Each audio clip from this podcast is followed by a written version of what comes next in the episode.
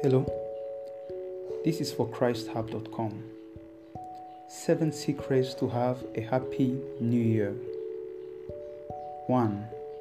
Open your heart to Christ love letter.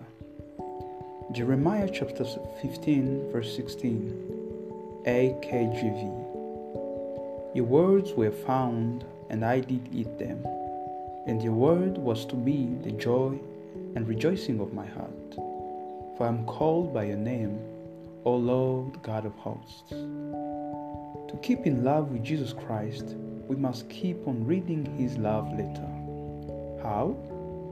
Keep your hand, your mind open to this wonderful love letter, the Bible. You may ask when is the right time to keep on reading that love letter. First thing in the morning, and carry that love letter with us throughout the day. Reading and meditating on this love letter changes the channel of your thinking and turns it into the whole channel of God's love. To make an aftermath of meetings happy, you must open your heart to this beautiful love letter of the Lord. Can you hardly wait that you can read God's love letter? Why not try today? Tip If you're not familiar with reading this love letter, starting with the paragraph of this love letter called the Book of Proverbs, written by King Solomon, can fuel you to read more of this entire love letter. It's only 30 chapters, and one for a day may change a lot for you. 2. Start dating God. God invites us to start dating Him in prayer. Notice what joy there is in dating God. Psalm 16 11. You will show me the path of life. In your presence is fullness of joy. At your right hand there are pleasures forevermore. Talk about a new year. God invites us to open our hearts to His debts. Notice these wooing invitations to this date. Ask and it shall be given you Seek and you shall find. Knock and it shall be opened to you. Matthew chapter 7, verse 7. AKGV. How about this? Call to me and I will answer you and show you great and mighty things which you know not. Jeremiah chapter 33, verse 3. And the Spirit and the bride say, Come and let him that hears say, Come. And let him that, that is thirsty come. And whoever will, let him take the word of life freely. When is the time in it to start dating with God?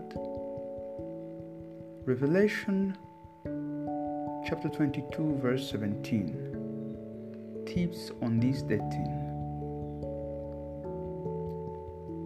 The best time to have this date is first thing in the morning. Psalm 5 4. I recommend that we determine not to make God our convenience, but give Him early in the morning a sizable amount of time. The Bible says it will bring joy. The ideal place. Every dating relationship has a meeting place. Choose a place that is quiet, that you will be able to talk and hear your lover, God speak to you. Matthew chapter 5, verse 6. Practical ways to date God in prayer. 1. Read the Word of God. Did you know that at least 15 minutes of your day taken reading the Word of God can change your life? Yes, I dare you to do it because it pleases God in your dating meetings. 2. Write three things to play about. First, things that you're grateful for because the better part of prayer is thanksgiving. Tell God how we adore Him and how much we appreciate of what He has done like any date we have in life. We tell them how beautiful and wonderful that they are. Second, souls for whom you are burdened so that you pray for them. Third, things in your life you want straightened. If you want enter into the joy of the Lord, schedule date meetings with Him throughout your day. 3. Go steady with the Lord.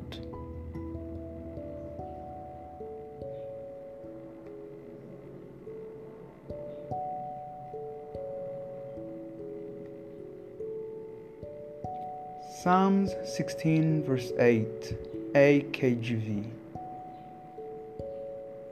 I've set the Lord always before me. Because he is at my ha- right hand, I shall not be moved.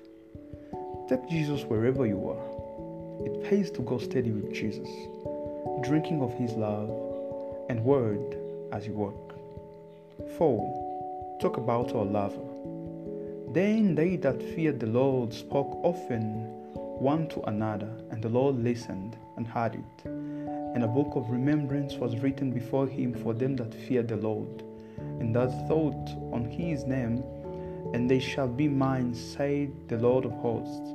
In that day when I make up my Jews, and I will spare them, as a man spares his own son that serves him.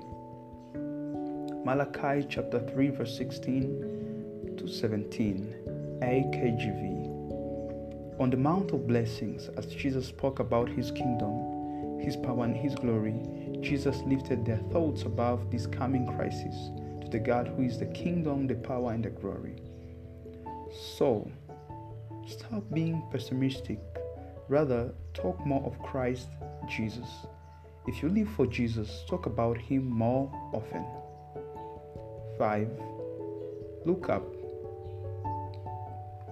men's hearts failing them for fear, and for looking after those things which are coming on earth, for the powers of heaven shall be shaken. Luke chapter 21, verse 26, AKGV. The more we talk about the things, the more people will be filled with fear. Tell people about Jesus and his mighty power to save. That's what he wants us to do. Tell them about the angels. Psalm 34, verse 7. My favorite author writes in her book Education that this text of scripture, combined with experiences of how angels have delivered God's people, will set a child's mind at rest. Let people know that we have a Savior above to look towards in every situation. Let us tell them that, that under His wings we safely abide. 6. Be friendly to the unworthy. Being friendly and unkind to unworthy friend brings you happiness. How? Let us look in the Gospel of Luke 15 2 and 10. And the Pharisees and scribes murmured, saying, This man receives sinners and eats with them.